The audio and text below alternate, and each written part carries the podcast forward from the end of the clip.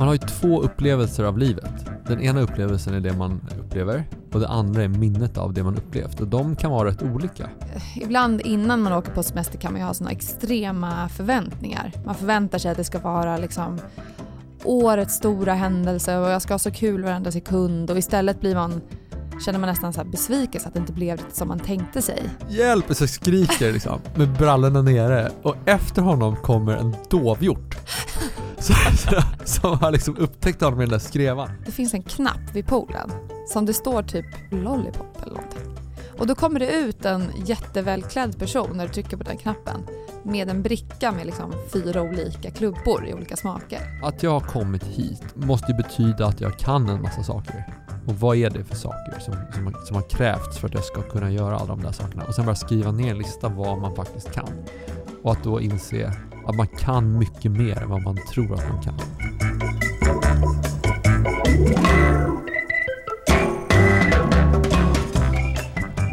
Det är ändå kul när man försöker spela in sent på kvällen och vi gav faktiskt upp. Vi gjorde ett bra försök, alltså på vissa sätt. Sen så, sen så glömde vi sätta i minneskortet och alltså Det är kul att några minuter in märker vi att det här kommer inte funka. Nej, vi var för trötta och jag kunde inte sluta skratta åt mina egna skämt. Men nu när vi har börjat prata om det så inser man att du gör ju faktiskt det väldigt ofta. Men det är gulligt. Det är okej. Okay. Jag, jag ber om ursäkt till alla lyssnare. lyssnare. Nu gjorde jag det igen. Fan också. Det är okej. Okay. Ja, okay. Det är okej. Och det här med att prata om att man är trött som vi var i igår, det jag kom på att det vuxna människor gör mest, det är att prata om vädret och att man är trött. Ja, och vi måste sluta med det också. Jag märker det på gymmet. Alltså, alla är såhär, hur mår du? Så här, men jag är jättetrött, vi har inte sovit. Jag kan inte säga det varenda gång Nej. man frågar. Alltså, är, man är ju värsta, man är så jobbig. Ja, men och jag tror också så här, för, alltså för dig och för mig, att säga det varje gång, det blir ju ett jäkla mantra liksom. Ja, Nej, men vi lägger av med det nu. Ja, vi först, alla, jag, tror, jag tycker alla får träna på att inte prata om, alltså det här vet man ju som småbarnsförälder. Jag tror att man gör ju det kanske i, för att hitta liksom någon typ av gemenskap till flera som mår dåligt, till fler som har det tufft.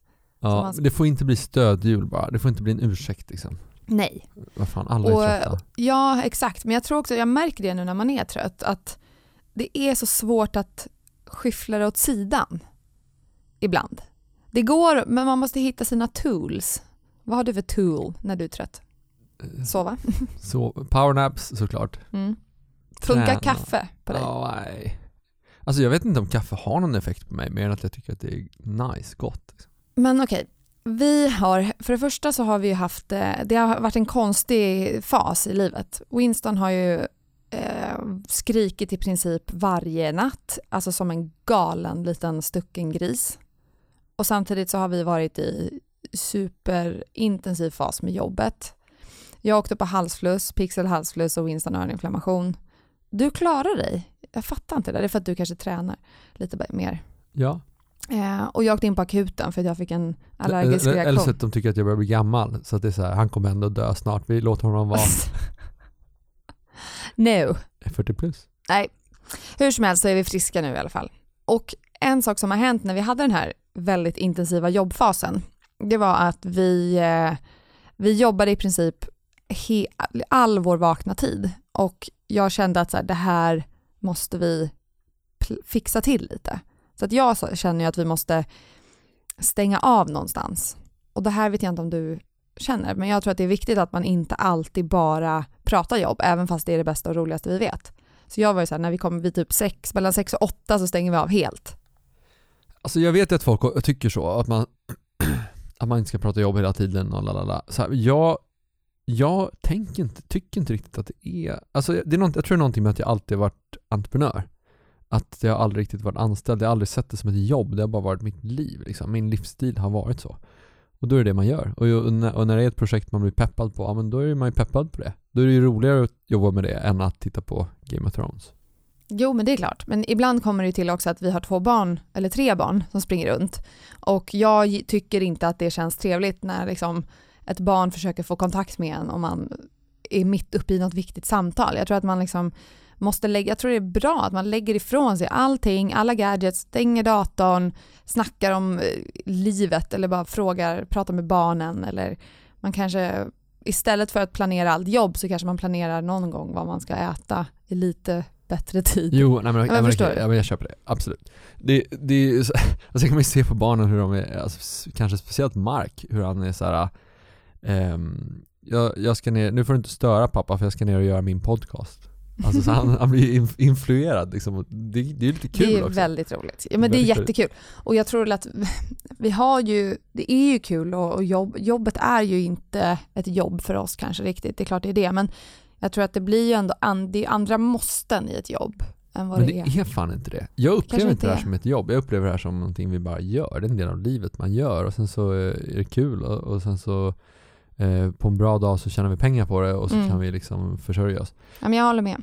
Jag tror, bara, jag tror min stora grej egentligen, det är inte kanske vad man pratar om faktiskt. Det är mera att vi inte håller på med gadgets, alltså mobil eller dator. Ja, det håller jag med om. Det är min stora grej. Vi kan, jag kan gärna prata om jobb. Jag kanske inte, man kanske inte behöver prata om liksom, eh, de här, eh, för mycket admin då, säger vi, när det är mysstund. Ja, men det med att man ska gå igenom bokföring när man liksom Exakt, ja, när man är med barnen. läser sagor. Nej, det ska man ju såklart inte göra. Jag har ju en annan podcast också som heter The Walter Show. Där Ja. jag gör eh, avsnitt.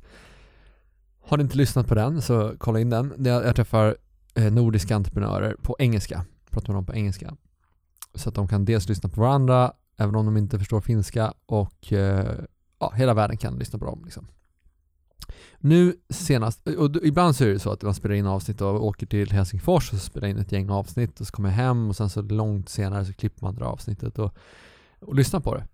Eh, Och då har man ju glömt bort vad man pratar om. Det, så det är som att lyssna på en helt ny intervju som man aldrig har hört. Typ. Mm. Och så var det nu igår när jag släppte ett avsnitt med Dima Sarle som jag tyckte var jävligt kul. Mycket ro- jag tyckte det var kul när jag pratade med honom också, men när jag lyssnade tillbaka på det så tyckte jag bara att det här var mycket roligare än vad jag minns det till och med. Alltså även om jag minns det som ganska kul.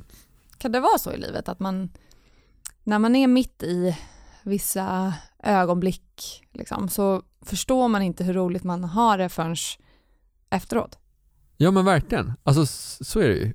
Rätt ofta tror jag. Men är det för att man liksom inte är bra på att njuta i stunden eller är det, Ja, det, varför man, blir minnen starkare på något vis? man har ju två upplevelser av livet. Den ena upplevelsen är det man upplever och det andra är minnet av det man upplevt. Och de kan vara rätt olika. Mm. Eh, och ofta ehm, Jag tror ofta det är så, inte minst med typ semestrar. Att när man är där så är det så ah, men det är nice men det är mycket så här, man åker dit, man ska planera utflykten och det var händer grejer. Men sen när du tittar tillbaka, minst tillbaka så var det så här, oj vad härligt det var i Ah. Sydafrika. Eller var det nu är någonstans. Eh, som är mycket nicer och det är liksom inget fel. Det är inte det att, alltså även om den är uppgraderad så är det Det är ju en rätt stor del av varför du åker på semester.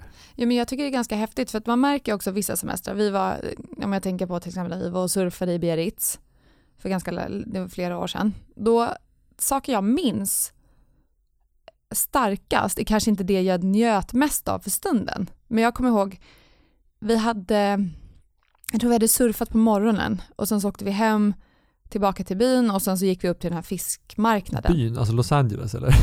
Biarritz. Ja, Biarritz, ja förlåt. Ja. Jag bara, förlåt. Nej förlåt. Okej, jag tänkte helt fel. Ja, nej. Till lilla byn, Biarritzbyn. Mm. Eh, och där finns det en helt underbar fiskmarknad ju i den här, eh, vad är det? Det är som en, känns nästan som ett glashus. Men en saluhall typ, Ja, de har där. och jag minns det så väl att vi, då gick vi till en liten bar där du har varit förut och så tog vi typ tre ostron var och lite vitt vin i ett sånt här glas. Plast, plastmugg typ. Nej, det var inte en plastmugg men det var en sån här runt glas, lågt, Ja vattenglas typ. Just det. Och sen så, De stänger den där ostronbaren klockan 11 också. ja men det var, det var precis. Så På, det var, Alltså på dagen, alltså Ja, före lunch. Stänger den. och sen öppnar det igen va? Nej, den är öppet typ 8 till 11 eller något sånt där. Aha. Så att du äter ostron och dricker vin typ mellan 8 och 11 på förmiddagen. det är så jävla konstigt. Ja men det var just väldigt, det var ju det här lilla, det var bara en liten, en smutt. Ja, ja och sen så kändes det, trevligt. det kändes så festligt på något vis och det minns jag nästan starkast. Och det var ju surfen egentligen som man njöt alltså väldigt mycket av. Men den, de bitarna minns jag inte lika väl. Nej men alltså, och det blir ännu tydligare med de här sakerna som går åt helvete. Mm. Alltså då kanske bara jobbigt. Och sen minns du det efteråt som så här: wow, kommer du ihåg när det där hände? Och, Mm. eh, men jag kan ju tänka så med, med typ i början med Honesty när det var så här, men vi åkte ambulansplan till en pitch och fick nödlanda och du vet, eller jag åkte till Filippinerna och pitchade på den här presidentvalet i Filippinerna. De stunderna var ju ganska jobbiga då. Mm. Men minnena av det är ju helt fantastiska. Det är typ de roligaste minnena jag har. Ja. Och så är det ofta tror jag, att när det är bara så smooth sailing och du ligger på en beach, ja men det kommer man ju inte ihåg. Nej. Du kommer speciellt inte ihåg att du gjorde det, men säg att du ligger på en beach fem dagar i rad. Ja men då kanske du kommer ihåg i bästa fall att du ligger på en beach, men du kommer inte ihåg så här, ja, den dagen gjorde vi, var det så här att ligga på beachen och den dagen var det så. Det kommer man inte ihåg. Nej. Och det är det som också talar för att göra mycket olika saker. Att liksom ja, men göra, eh, även om det är korta stunder, när, även om du åker iväg kort, du åker iväg bara två dagar på semester och, och du gör massa olika saker så kommer du ändå komma ihåg det som en ganska rejäl semester. Mm. Ja, för det där kan man ju, eh, ibland innan man åker på semester kan man ju ha sådana extrema förväntningar. Man förväntar sig att det ska vara liksom årets stora händelse och jag ska ha så kul varenda sekund och istället blir man, känner man nästan så besvikelse att det inte blev riktigt som man tänkte sig. Och det där tror jag också är, det är det som är speciellt med just vilka minnen som man väljer att, eller automatiskt då minns, vad det är kopplat till.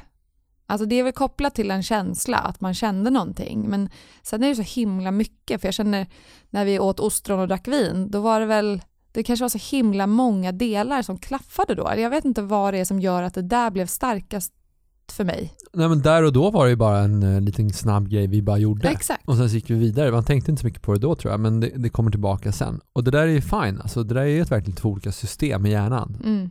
Det känns som att det kanske också är för att just nu så är, ligger det så långt bort från vårt liv. Att liksom vara väldigt spontana och inte behöva hålla på med massa logistik innan. Och, så det, när jag tänker tillbaka på den tiden så var det så här, wow, vi kunde bara gå och göra det utan att fixa barnvakt. Liksom. Och då blir det typ exotiskt. Ja, och det, men, ja men verkligen. Men, men jag bara tänker så här, vilka minnen, minnen kommer upp nu när du pratar om det här för mig som jag kommer ihåg? Men jag kan komma ihåg så här. jag var ute och segla med en kompis, eller med två kompisar. Och en av dem eh, får en liten eh, mänsklig kris och ska upp i skogen och, och eh, ja, göra nummer två. Och han Eh, gör det och, och, och sen plötsligt så kommer han, hör jag bara ett skrik, ett vrål. Och han kommer springande upp ur en skreva där han har liksom huserat. Och bara Hjälp! Så jag skriker liksom med brallorna nere och efter honom kommer en dovhjort så, som har liksom upptäckt honom i den där skrevan och bara Oh, jagat ut honom ur den där skrevan och, han kom, och det där minnet var ju såhär, det hände, det hände på någon sekund, det var liksom en kort kort grej som bara hände och jag höll ju på att dö Ah. av skratt för det såg så jävla roligt ut och, och så här tio år senare så är det fortfarande typ det minnet som är starkast från den här Men det där, det finns en bok, inte om den heter Defi Defining Moments eller Defying Moments. Där det handlar mycket om att den resan, då vi sett den var en vecka, då, då kanske den var ganska så här marshmallow och mysig och, och var, Mars- marshmallow. jag, vet inte, jag tyckte det var jag passade, vanilj. Ja. Det var lite så här, en van, en trev, ni hade det trevligt men det var inga, det kom inga valar ur vattnet eller ni, ni seglade och badade och käkade gott. Ja, ja de, min, alltså de ögonblicken vi njöt mest av då, det var ju säkert när vi satt och käkade ost och drack rödvin i solnedgången och det var så jävla mysigt. Men det kommer man ju typ inte ihåg. Däremot kommer jag ihåg den där dovhjorten som jagade honom med brallorna nere. Men det är det som gör att den resan, just den seglingsresan blir kanske något speciellt i alla dina resor som du har seglat. Den är det? Ja, exakt. Och det beror mycket på just det lilla minnet. Och där i det här defying, jag tror det heter define, defying moments eller defining moments. Där är det också, det finns ett hotell, jag tror det är i Los Angeles, som är Eh, det ser helt okej ut. Jag vet inte om det är något Sheraton hotell eller någonting. Eh, ser så här hyfsat fräscht och ändå är det tror jag femstjärnigt. Eh, men de har vissa delar i hotellet, att det finns en knapp vid poolen som det står typ, jag tror det står lollipop eller någonting. Och då kommer det ut en jättevälklädd person när du trycker på den knappen med en bricka med liksom fyra olika klubbor i olika smaker. Var alltid om du trycker, det är gratis. Du får äta hur mycket klubbor du vill. Och den, den knappen är där. Och det blir ju, för varje person som trycker på den här knappen och den här människan kommer ut med, med silverfatet och fyra klubbor, det blir en sån här äh, superhärlig, rolig grej. Ja, men som alla pratar om. Ja, Men, exakt. och det är ju så, typ Punk Royal är ju så också. Ja. Att, att så här, allt som händer på Punk Royal är en serie av sådana historier. Typ. Mm. Och det där är ju liksom, om man, speciellt om man jobbar med det som jag jobbar med, liksom med kommunikation och, och, och så. Som så vi är jobbar med. Ja, vi jobbar med. Ja. Mm. Eh, Så är det där såklart superviktigt att komma ihåg att, att så här, ja, men det, det handlar inte om att göra en reklamfilm som är fin och smälter in, eller reklamfilm behöver bli lite omodern, men liksom en Mm. reklamenhet som, är, som smälter in och så, utan det handlar om att göra någonting som verkligen poppar så bara, har, har du sett det där? Liksom? Ja, Eh, verkligen. och sen så vet vi också om minnet att folk som minns någonting, de minns inte alltid om de tyckte bra eller dåligt om det. De minns bara att det var någonting. Liksom. mm. Så att hela strategin, alltså när jag jobbar med strategier under alla de här åren, så det viktigaste det är ju på något sätt att komma ihåg så här, uppmärksamhet först, sen börja bygga liking. Mm. Folk är så otroligt upptagna med att så här, det ska kännas helt rätt, hur ska, hur ska vi uppfattas? Ja, börja med att bli uppfattad överhuvudtaget Ja, exakt. till vilket pris som helst typ. Och sen, sen kan du börja, det, men det är ju det är bara att kolla på, kolla på alla kändisar som är kändisar för någonting dåligt de har gjort från Ja. början. Som sen har blivit, jag menar, och nu, utan att så här, jag menar, men, men så här, ska vi ta några exempel? Ja, kör. Ja, men ta så här, Paolo Roberto. Mm. Eh, värsting, alltså som slog ner folk i Kungsträdgården när han var tonåring. Liksom. Ja. Och som, som så här, i kungen av Kungsan, så här, där börjar han bli känd. Och sen har han gjort jättemycket bra saker efter det. Och jag säger inte att han inte hade varit känd idag om han inte hade gjort det nödvändigtvis. Men kanske liksom. Mm. Kanske var det så att det var det, det där som behövdes för att han skulle liksom få uppmärksamheten och som, som han sen har förvaltat extremt väl ska man säga. Och idag gör han ju såklart jätte, jättebra saker. Mm. Men, men det, det är ju ett exempel. Sen så vill vi inte promota att folk ska gå och slå ner folk i Kungsan för att Nej, bli kända. såklart inte. Men det var precis. Men det är ett exempel och det Mm. finns ju fler sådana exempel. Ta, ta liksom eh, så här, Paradise Hotel, kändisar som sen har gjort jättebra saker. Mm. Ehm, Det finns jättemycket människor. ja, Kardashians var väl. Kardashians. Ja, men det, det, det är inte ovanligt liksom. Och, och om man då tänker så här, men om du nu sitter där och är marknadschef liksom, eller ska jobba med marknadsföring och bara tänker så här, ja men shit, vad jag lägger, nu gäller det att uppfattas rätt. Så är det kanske fel, det är fel ställe att börja på, Mm. menar jag. Men för då, det har vi ju, nu när vi har suttit i lite sådana typer av jobb, då är det ju verkligen när vi har börjat jämföra vissa konkurrenter till olika företag, alltså man märker att det är så många som säger precis samma saker. Ja, men precis det de tror, Ja. att, att, precis det som är rätt. Ja, Och, och så här, ja, nu är vi precis, prickar vi precis rätt tonalitet här för att vi ska uppfattas som så här härliga. ja Ja, fast ingen kommer uppfatta det alls. nej. Alltså, Nej, för man, man har väldigt svårt att se skillnad på vem som är vem och vad för känsla det ska få mig att känna. För det är det som också, det blir väldigt vagt. Liksom. Ja, det, det, det är inte så att, det, när man kollar på till exempel, ehm, eh, vi säger att det är Barncancerfonden till exempel, då kan man ju faktiskt börja gråta. Då börjar jag ju ofta, jag är extremt emotionell när det kommer till barn och när man ser något sånt så är det väldigt lätt att känna någonting. ja, men Och det är ju agera. alltså, sett ur, jag har ju suttit i en del sådana här jurys, reklamjurys, Mm. och sådana där koncept som är för typ Barncancerfonden vinner ju ofta där. Mm. Och det är jag ju lite skeptisk till, för att det är ju mycket lättare. Ja, men det är väl klart. Du har ju så mycket gratis från Ja. början. Liksom. Ja. Och det kanske är, det kanske i, om man tänker på vad som kan vara bra med det, det är att så här, okej men då ger folk mer pengar. Så på så sätt tycker jag att det är bra. Liksom. Ja, ja, nej, att det, det, får bra. uppmärksamhet, ja, det tycker ja. jag är jättebra. För att Klart det är bra. om folk känner saker där så är det ju grymt. För att vad är egentligen målet? Jo men det är att hjälpa barn med cancer. 100% och det, och det är ju inte så att jag menar, det, det här, nu pratar jag bara om så här Vilka som reklamtävlingar vinner tävlingar. Ja, som är till för att, att ta fram den bästa reklamaren. Alltså Ja. det, det är en mycket lättare uppgift att sälja det än att sälja liksom Mm. tvål. Ja, och det är för att det speglar, det är ju just känslorna. Det är Du det har som, känslan ja. mer från början ja. Och, men sen så är det, men om man pratar om just vad, vad borde man få pris för om man jobbar med eh, Barncancerfonden då? Jo, då borde man, tycker jag, få pris för att så här, om du får till den här starka känslan att så här, men nu vill folk verkligen ge, men att du har gjort det billigt och enkelt så att Mm. du inte slösar bort massa pengar i produktion. Och det där, tittar Ja. vi på till exempel då Barncancerfonden och Cancerfonden så har de gjort eh, jävligt fina produktioner men som inte direkt ser billiga ut. och så tittar du på ehm, eh, är, det, är det Bris är det väl tror jag, som också gjort en extremt emotionell eh, film men som måste kostat typ så här tre spänn att göra för den är Ja. så enkel. Liksom. Där, där kan jag tycka att så här, men då, det handlar ju väldigt mycket om att förvalta de resurserna som du samlar in så att de, så mycket av dem som möjligt går till rätt sak liksom, och inte Verkligen. till reklambyrå. Det, det var en jättebra poäng. Det är så sant.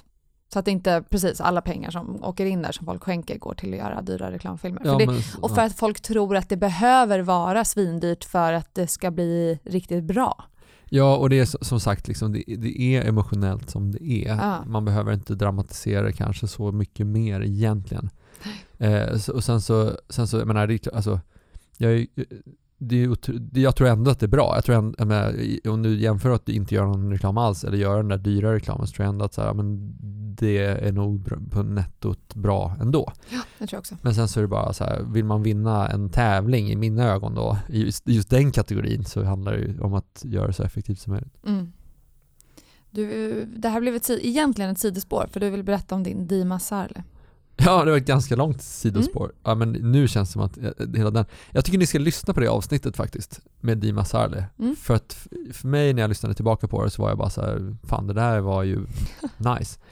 Men han hade, ett- han hade ett antal eh, bra poänger tyckte jag, eh, i att, eh, att ställa frågor är bättre än att pitcha. Så här, istället för att gå in och pitcha en idé så, så börja ställa frågor. Ty- Tyckte jag var en så här härligt sätt att tänka på. Ja, för ibland tror jag många tänker så här, nu ska jag försöka få så mycket sagt på så kort tid, för jag har bara kort tid. Ja.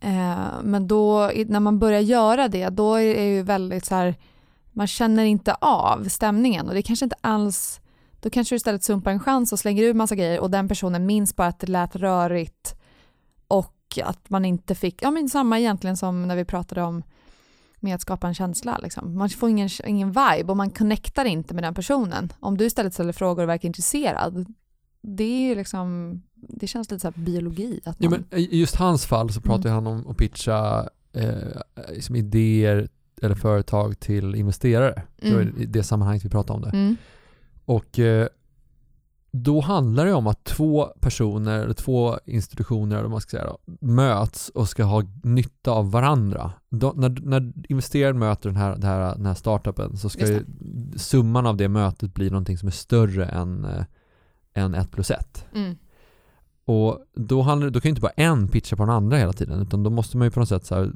prata om så här, men vad kan vi ge varandra som inte bara är liksom Alltså om man, att, att som startup börja, så här, vad är du intresserad av som investerare? Liksom? Mm. Det tyckte jag var det tyckte jag var intressant och nice. Eh, Och han pratade också om att ställa frågor till sig själv. Att liksom var, alltså en grej han gjorde varje dag, vad gör varje dag, är att ställa en fråga till sig själv. Och sen svara på den på, papp, på papper. Liksom. Vilken fråga som helst eller hade han någon typ av, Jag, tror, jag tror det kan vara vad som helst. Ah, okej. Men ställ en fråga till dig själv. Testa nu. ja men det är så här, hur många ögon har en människa? Alltså det kan ju vara vad som Ja, helst. den frågan kanske inte kan ge sådär jättespännande svar. Nej. Nej men det kanske är mer så här, hur kan jag bli en bättre mamma? Ja, Och så börjar du skriva ner Mm. ett svar på den frågan. Så kommer du komma upp med saker som du inte hade kommit upp med annars. Precis som att vi i det här samtalet kommer Mm. upp, när du ställer frågor till mig, så kommer jag upp med svar som jag inte hade tänkt på, men jag bara satt och tänkte Nej, för mig precis. själv. Men då tror jag att man kanske ska ha, jag gillar det jättemycket, eh, men jag tänker mer på, om, och då behöver de inte ha något med varandra att göra. För att det där, vad, som, vad kan göra mig till en bättre mamma? Den frågan skulle jag nog, den och så här bättre partner och bättre businesswoman eller bättre chef eller vad det nu är. Ja, eller hur kan världen bli bättre i något spe- speciellt Och sen sätt? kanske inte allt behöver handla om att man ska bli bättre heller. Nej. Nej, men det kanske är så här, hur kan, eh, hur kan vi göra av med mindre plast Mm. i det här hemmet? Eller hur kan, det kan vara enklare frågor. Alltså nu, nu blir det att man tar de här Fast i och stora... för sig, jag tycker inte det är helt dumt. För det, om det är något som man känner att det finns ett intresse, så här, men hur kan vi minska liksom, skräp, att det bara är massa plast i haven? Då kanske man läser på lite och så blir man lite insatt och sen så kan man börja hjälpa till där på något vis också. Ja, och, det, och, och min poäng i det här sammanhanget är ju liksom att det är ett sätt att få ut mer av dig själv. Ja, Att du sätter dig och har liksom ett samtal med dig själv. Att, för det, det märker man ju bara så här att om vi, Om jag hade bara suttit, free, suttit freestylat här med micken själv så Mm. hade jag inte kommit upp med samma saker som jag gör när jag pratar med dig. Nej. Och det här är ju ett sätt att liksom hacka det, att kunna ställa frågor till sig själv, att kunna ha ett samtal med sig själv. Jag tyckte det var, det var en så här eh, intressant modell. Mm, verkligen. Jag tycker man, det borde vi prova nu på riktigt. Borde vi testa att göra.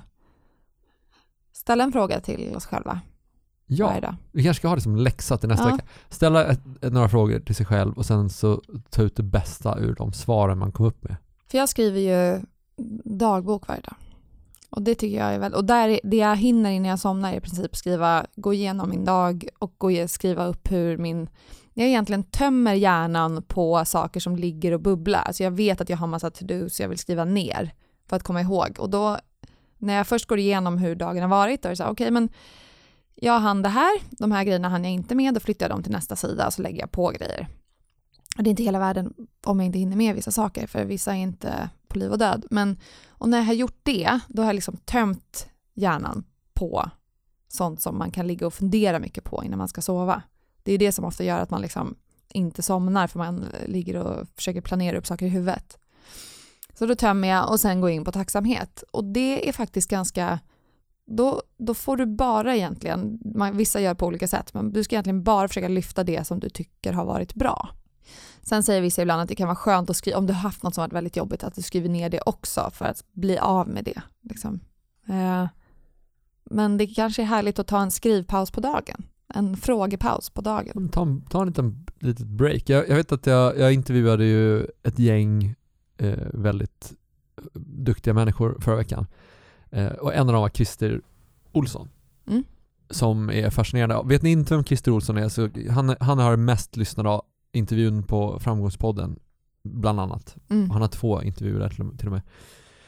Och han är bara fascinerande person och han pratar om också hur man vet inte vad man vet.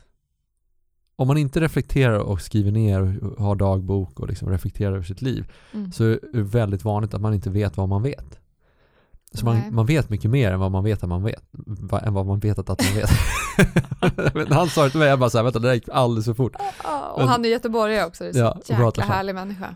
Han är skithärlig. Men, men i alla fall, så då, då en, ett verktyg han hade som liknar det här lite grann, det var att bara ställa sig själv frågan så här, men okej, men att jag har kommit hit och allt jag har lyckats med, så här, bygg och allt jag har gjort och alla utbildningar och alla möten jag har haft och vad det nu är, måste ju betyda att jag kan en massa saker. Och vad är det för saker som, som, som har krävts för att jag ska kunna göra alla de där sakerna? Och sen bara skriva ner en lista vad man faktiskt kan. Mm. Och att då inse, vilket ty- typ då 100% av alla i princip inser, att man kan mycket mer än vad man tror att man kan. Ja. Eller kan mycket mer än vad man vet att man kan. kanske. Ja, för ni pratar väl om att om man inte till exempel tar en utbildning eller har ett specifikt jobb men lär sig mycket på vägen av att man gör saker, man får en möjlighet att testa något nytt och så gör man det och jobbar med det ett tag eller att en, ett jobb man har tar en helt annan sväng liksom, där du får göra något du aldrig gjort förut och lär dig något nytt men du skriver inte ner det. Nej, Så att du tänker inte sen på att så här, ja, men jag kan ju göra det här. nej men uppenbarligen, liksom, om jag har lyckats med det där, ja men då måste jag ju kunnat det där. Mm. Eh, och att bara sätta sig och skriva ner det så gör ju att man kommer få fram en lista som, man, som de flesta människor blir väldigt imponerade av, alltså av sin egen lista. Och varför, är det därför man gör det? Eller är det, vad är det, är det för att göra, ge tydlighet för sig själv eller vad är... Nej men alltså Liksom folk, jag målet. tror det många säger och håller med om att så här, ja, självkännedom är viktigt. Utan att reflektera över vad självkännedom betyder. Men självkännedom betyder ju bland annat att veta vad man vet. Mm. Och veta vad man kan. Och om man då skriver ner en lista på alla saker man vet och, och kan och, och inser att så här, shit, det där visste jag inte. Ja men det betyder att man inte haft så mycket självkännedom och nu har man plötsligt bättre självkännedom. Mm. Och det där kan ju få vara en levande lista liksom, Ja självklart, absolut. som man får fylla på. Och sen kanske man märker att man har vissa delar där som man känner me, man känner mer för. Vissa är starkare, liksom, här är jag bra på och det här tycker jag är kul och sen kanske man känner att det här är saker jag är bra på men jag tycker inte lika kul. Och så kan man börja göra en priolista vad man kanske ska fokusera på i livet så att det inte bara blir att man det är jobbigt om man ska, många pratar ju om du pratar om skalpellen, många andra säger liksom foka på en sak och sen gör det jävligt bra. Ja, och det, det pratar han ju också om. Eh, i, eh, att att liksom man har om man är dålig på någonting, eller, eller så här, man, är, man, man, man, man tycker någonting är tråkigt. Så ett sätt att hantera någonting som man bara, jag hatar mitt jobb typ. Så här, jag sitter i en telefon eh, eh, kundtjänst och jag, jag, hatar mitt jobb liksom. Så menar han då att så här, ett sätt att hantera det på, det är att bara bestämma sig för att jag ska bli bäst på det här. Ja. Bli den bästa telefonkundtjänstpersonen som du kan föreställa dig. Och den här historien som han berättade, det var en riktig historia då, någon som han hade jobbat med på IKEA tror jag var. Och att um, då hade den här personen bestämt sig för att göra det och bli så här, jag ska fan bli den bästa kundtjänstpersonen. Och då hade det plötsligt varit kul att börja utveckla sig här, och börja lära sig nya saker. Då blev det ännu roligare och då blev hon ännu bättre. Mm. Och då blev det ännu roligare att lära sig nya grejer. Och det där slutade med att hon blev så här, den personen som, som de gick till när de hade det de kallar för problemkunder.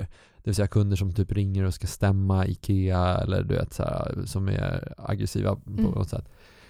Och, och, dessutom då så hade de, hade de sagt till henne så här, ja, men så här, du, eh, du är så duktig på att ta hand om problemkunder. Och då hade de sagt så här, det här är inte problemkunder. Det här är kunder som har ett problem. Ah. Det är också så jävla enkelt och bra. Ah. Så det blev jag imponerad av. Verkligen. Det där gillar man. Det är också en inställningsfråga. Verkligen. Okej hörni, vi, eh, vi, nästa avsnitt kommer bli en gäst.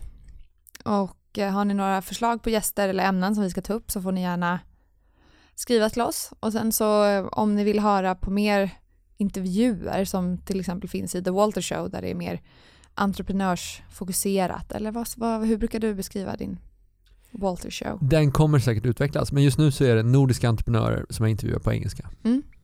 Och vill ni ha lite stöd i mamma, pappa, bebiskaoslivet så kan ni gå in och lyssna på Babykaos.